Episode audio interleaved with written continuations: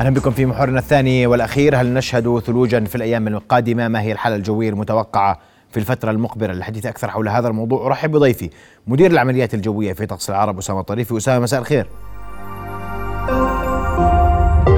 رؤيا بودكاست.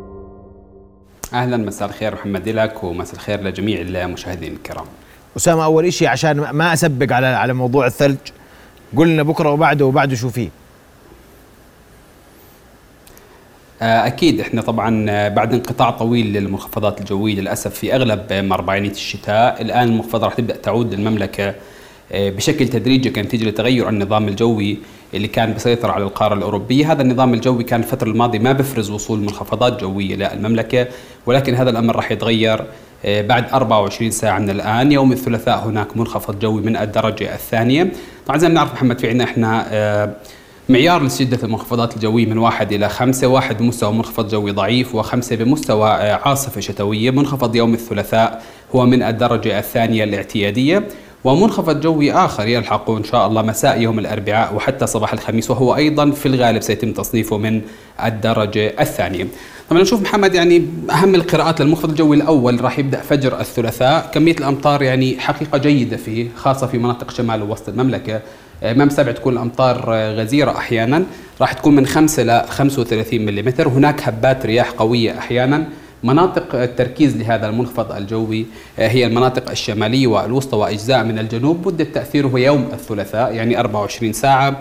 ويترافق بانخفاض كبير في درجات الحرارة مقارنة مع الأجواء الحالية. يوم الحرارة الحرارة يوم الأمس وصلت ما يزيد عن 20 درجة مئوية في مناطق عدة في المملكة. لكن بنشوف الحرارة رح ترجع إلى مستويات آه، باردة وباردة جدا وتوقعات الثلوج لا يوجد توقعات ثلوج خلال هذا المنخفض الجوي.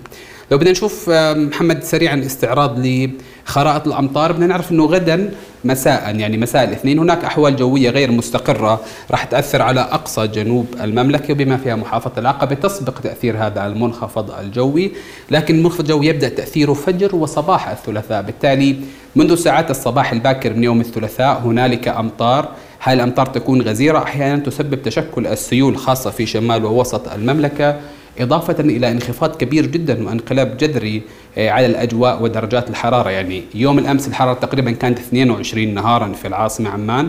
العظمى يوم الثلاثاء فقط 9 درجات مئوية وهطول الأمطار كما نشاهد. هذا المنخفض الجوي الأول بدنا نمشي بتوقعات الأمطار للمنخفض الأول زي ما إحنا شايفين. تبدأ صباح الثلاثاء تستمر طوال يوم الثلاثاء. يوم الأربعاء نهارا قليلا تتراجع الهطولات قبيل وصول المنخفض الجوي الثاني الذي سيبدأ تأثيره كما نشاهد مع ساعات مساء يوم الأربعاء بامتداد ربما أوسع للأمطار ووصولها حتى المناطق الجنوبية.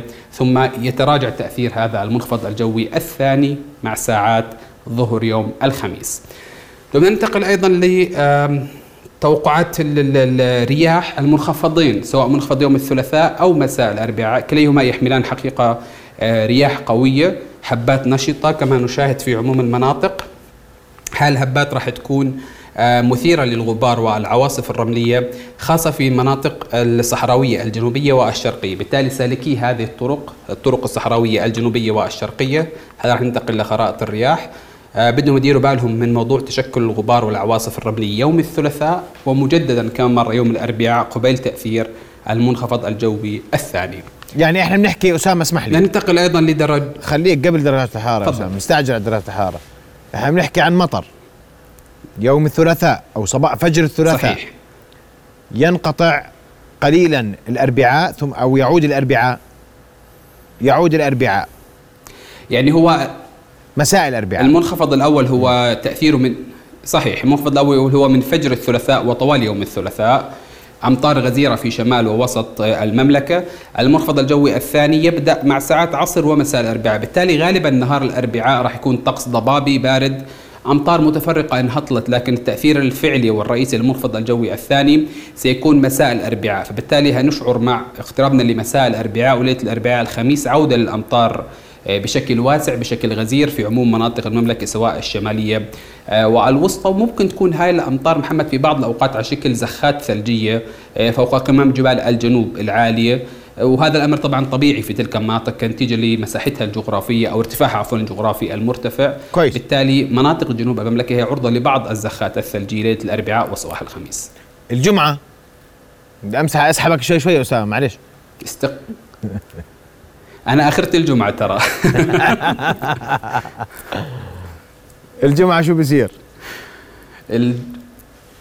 طيب هنوصل للجمعة.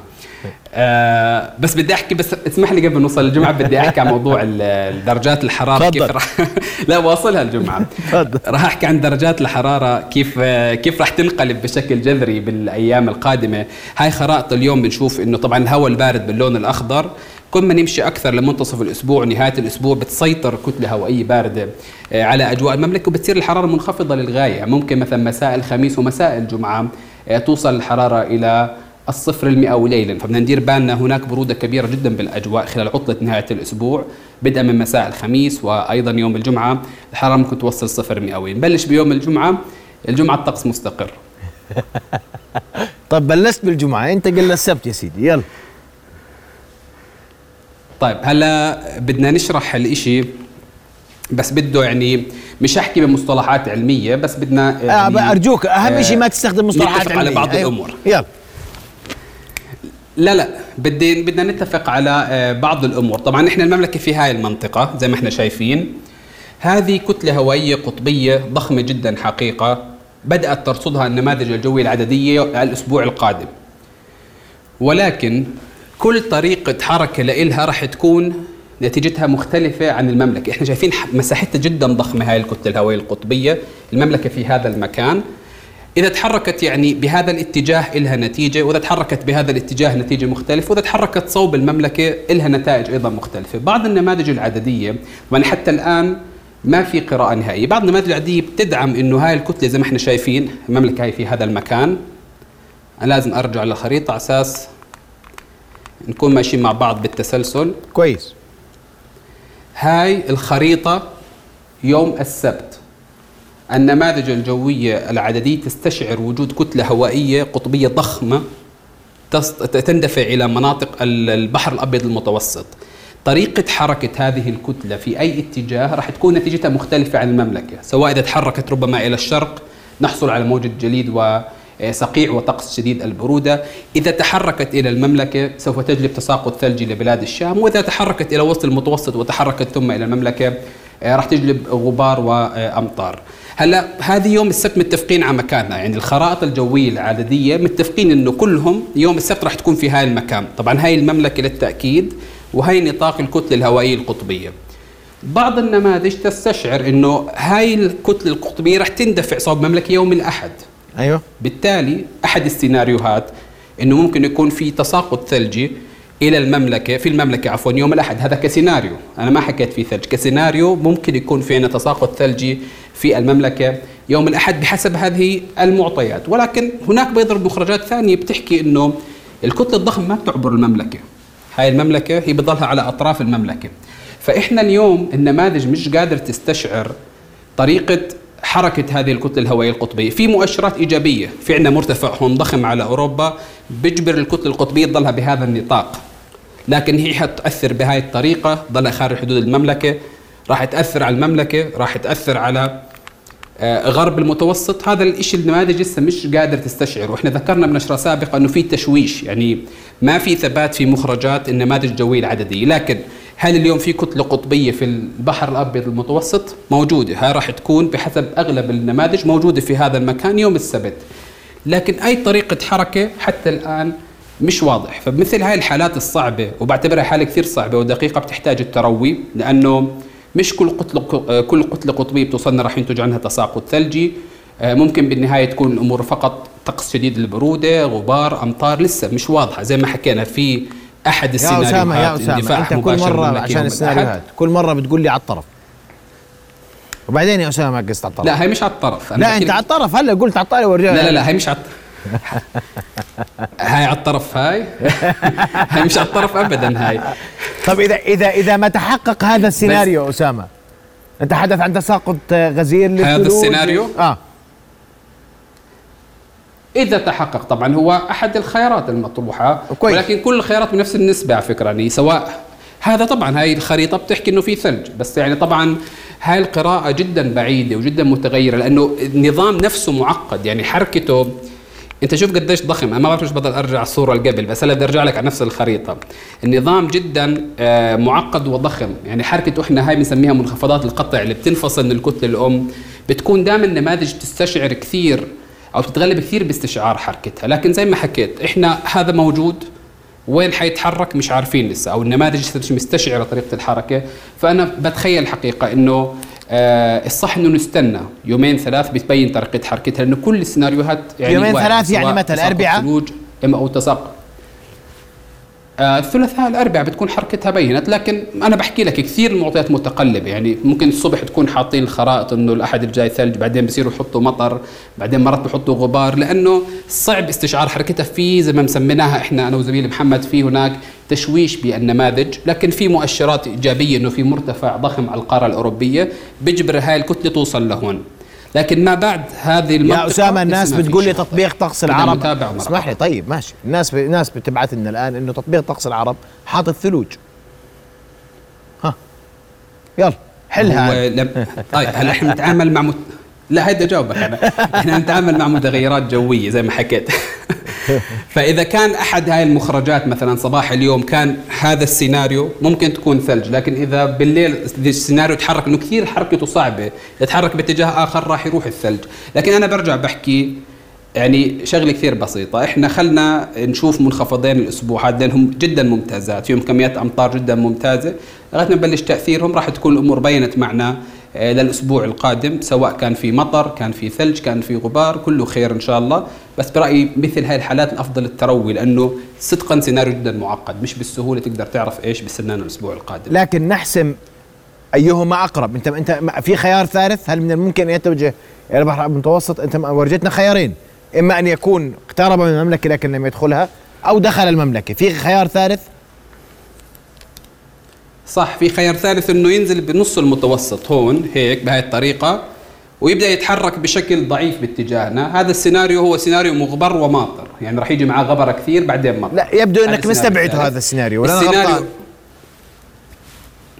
ولا مش مستبعد شيء أنا كل الخيارات واردة. ما في شيء مستبعد بالسهل. طيب أسامة بس نعيد تلخيص الحالة الجوية المتوقعة السبت الأحد الاثنين. بناء على الخرائط الأمور ليست واضحة. هناك احتمالية لتساقط الثلوج إحنا آه إذا ما تحقق المنخفض الجوي إذا ما دخلت الكتله الهوائية القطبية أرض المملكة. وهي موجودة هذا حقيقة يوم صحيح. يعني هي موجودة ليست في المملكة موجودة في مناطق قريبة من المملكة لكن اتجاه حركتها ما بعد ذلك سيحكم يعني المخرج النهائي راح يتأثر في المملكه محمد يعني بدي أحكي موضوع يمكن صدقا يعني إحنا شايفين قديش مساحتها ضخمة. أي حركة لو 100 كيلو 200 كيلو شرق غرب باتجاه حركتها راح يأثر كثير بالنتيجة النهائية. يعني لو نتذكر منخفض العام الماضي اللي هو اجى تقريبا بهاي الأوقات 27 واحد كان السيناريو طريقة نزول الهواء القطبي نوعا ما مريحة وثابتة. فإحنا كنا نقدر نحكي قبل أسبوع وقبل ثمان تسعة أيام إنه في تساقط ثلجي في اليوم 27 واحد وين راح يكون تساقط ثلجي لكن مثل هذه السيناريوهات بحكم خبرتنا السابقة دائما بتكون معقدة ومتغيرة بشكل كبير حتى الأيام الأخيرة. فدائما ننصح بمثل هيك سيناريو التريث الصبر. نستنى يومين ثلاث بتكون الأمور يومين ثلاث يعني يعني بالضبط. وبالتالي بناء حركة طيب عشان وياك نتفق الثلاثة ولا الأربعة راح تقول للناس؟ عشان إحنا من هلا نثبت أنا وياك.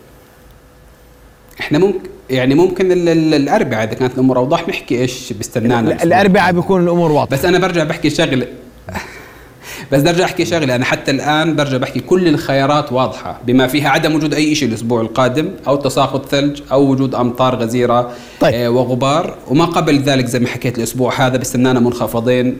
جويات ممتازات من ناحية أمطار إن شاء الله. إذا موعدنا مع طقس العرب يوم الأربعاء للحديث حول ما سيكون من هذا المنخفض الجوي، أشكرك كل الشكر مدير العمليات في طقس العرب أسامة الطريفي كنت معنا مباشرة شكرا لك. رؤيا بودكاست